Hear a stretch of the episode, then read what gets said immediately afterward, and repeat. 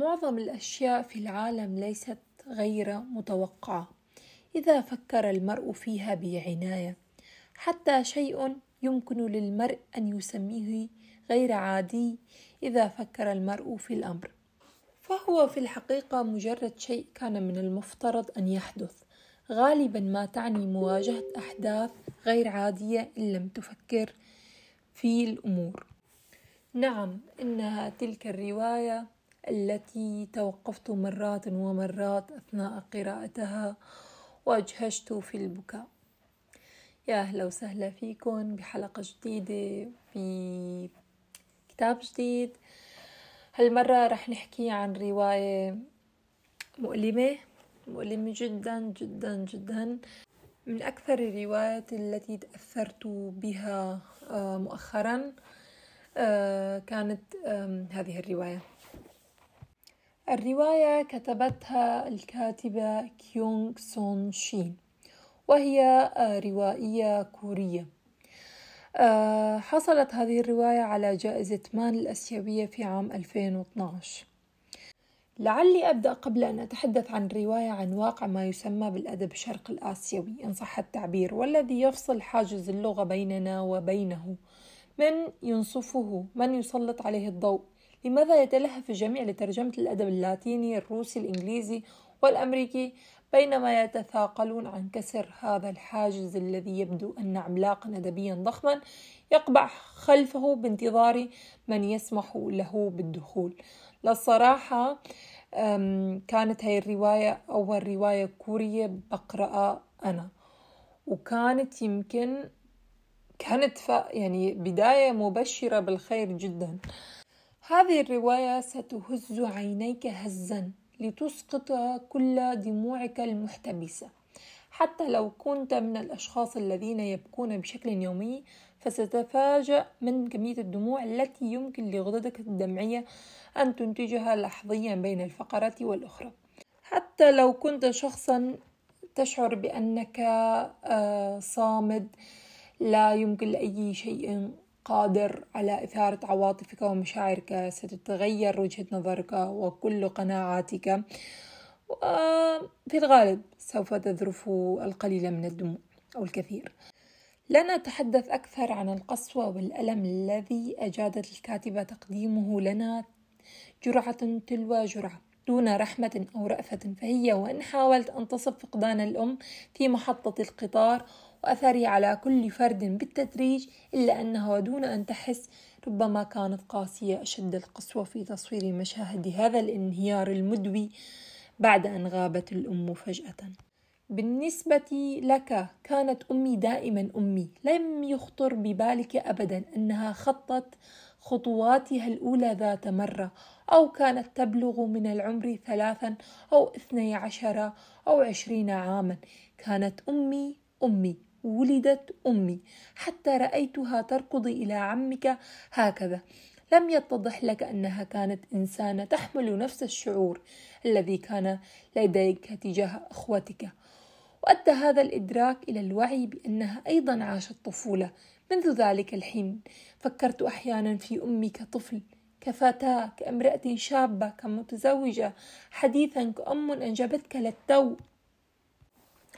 إن الأم التي كان وجودها روتينيا ومألوفا وعاديا ولا يحظى بأي تقدير تضخم بصورة متسارعة هائلة بعد أن بدأ كل فرد بتذكر الأشياء التي كانت تقدمها لهذه الأم العظيمة قبل ضياعها المفاجئ الذي لم يحسب أحد حسابه. وكانت الأم مخلدة ومحصنة من الموت. الأم التي اكتشف الجميع أنها كانت خارقة. تقوم بمهام يعجز عن القيام بها عشرات جسديا. أما غيابها العاطفي فقد خلف آثارا امتدت لبيت الجيران ودار الأيتام وأهل الزوج وحتى المزارعين الذين كانت تقدم لهم الأم وجبات مجانية دون مقابل. لقد كانت خيمة كبيرة يستظل بها العشرات بين أبناء وبنات وزوج وعم وخال وخالة وجيران وغرباء وحيوانات. كلهم كانوا يستندون عليها كأنها طول عظيم لا يسقط. يا إلهي. تقول الكاتبة إن المرأة تستطيع أن تعيش وتعتني بنفسها نوعا ما ولكن الرجل يصبح مثيرا للشفقة إن توجب عليه العيش بمفرده. لقد كانت خلف زوجها الذي كان يسبقها دائما ولم تكن تستطيع اللحاق به. صعد إلى القطار ولم يلتفت إلى عدم ركوبها معه إلا بعد أن انطلق القطار تاركا العجوز وحدها على الرصيف. كانت المرة الأخيرة التي سوف يشاهدها بها أحد من أفراد العائلة الذين كانوا قد تفرقوا في البلاد بسبب ظروف أعمالهم وزواجهم. إن أشد ما برعت به الكاتبة هو جمعها بين التضحيات التي كانت تقدمها الأم لكل فرد آه، سردت قصته وذكرياته معها. وبين شعور الرعب والهلع الذي تملك كل واحد منهم عندما بدأ أمر غياب الأم يصبح حقيقة واضحة. شعور كل واحد منهم بالندم على كل لحظة كان مشغولا فيها عن الانتباه لحجم وعظم هذه التضحيات وفوات الفرصة الآن عن رد جزء ولو بسيط من هذه الخدمات الجليلة. لم يكن بمقدور التركيز على البناء الفني للرواية فالأحداث تسلب لبك وتجعلك تنحني احتراما لكمية العاطفة التي استطاعت الكاتبة بثها في ثنايا هذه الرواية التي لا تتجاوز صفحاتها المئتين وخمسين صفحة. كيف أطاعها قلمها بتصوير هذه التفاصيل بهذه الدقة الموجعة أم أن الحديث عن الأمهات ينسابي لوحده نقيا بريئا صافيا كالماء الزلال يبقى السؤال الجوهري الذي ربما غاب عن بال الكاتبة وهو هل كان ندم الجميع حقيقيا؟ هل اكتشفوا حقيقة حب الأم العارم المجاني لهم؟ تقول الكاتبة فلم يخطر ببالي في تلك الأيام قط أن أفكر في حبي للعمل في المطبخ أو عدمه. فأنا أعددت قدرا كبيرا من الأرز وواحدة أصغر من الحساء فلم أفكر في مقدار التعب الذي يهد جسدي بل شعرت بالسعادة لأن هذا الطعام سيدخل أفواه أطفالي. إنك على الأرجح لا تتخيلين الآن ما يعنيه هذا ولكننا في ذلك الوقت من الماضي كنا دائمي القلق من أن ينفذ الطعام منا. فقد شكل تأمين الطعام والبقاء على قيد الحياة أهم غاية لنا.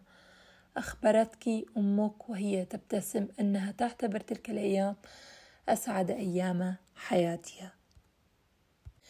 بما أن الأم لم تعود وبقيت مفقودة حتى الصفحة الأخيرة. هل بإمكاننا أن نفترض في حال عودتها أن الجميع سيغير من طريقة معاملته لها؟ هل سيكترث الزوج لأوجاع وآلام زوجته التي كانت تشتكي منها في الآونة الأخيرة؟ هل ستترك ابنتها الصحفية عملها وسفرها الدائم وتعود للاعتناء بالعجوز؟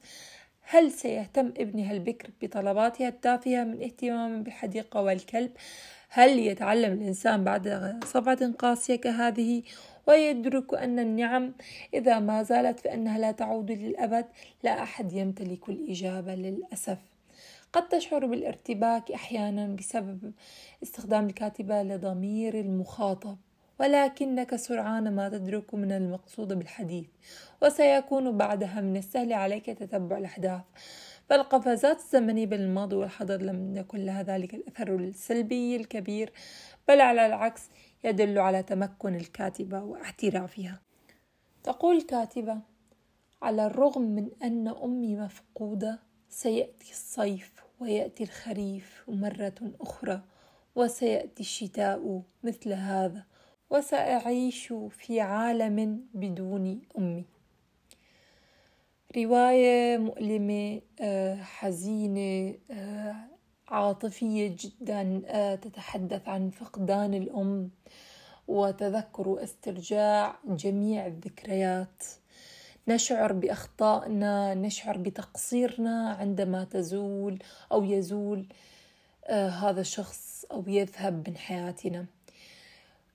أنا بكره الندم بكره هذا الشعور اللي صاحب المرء.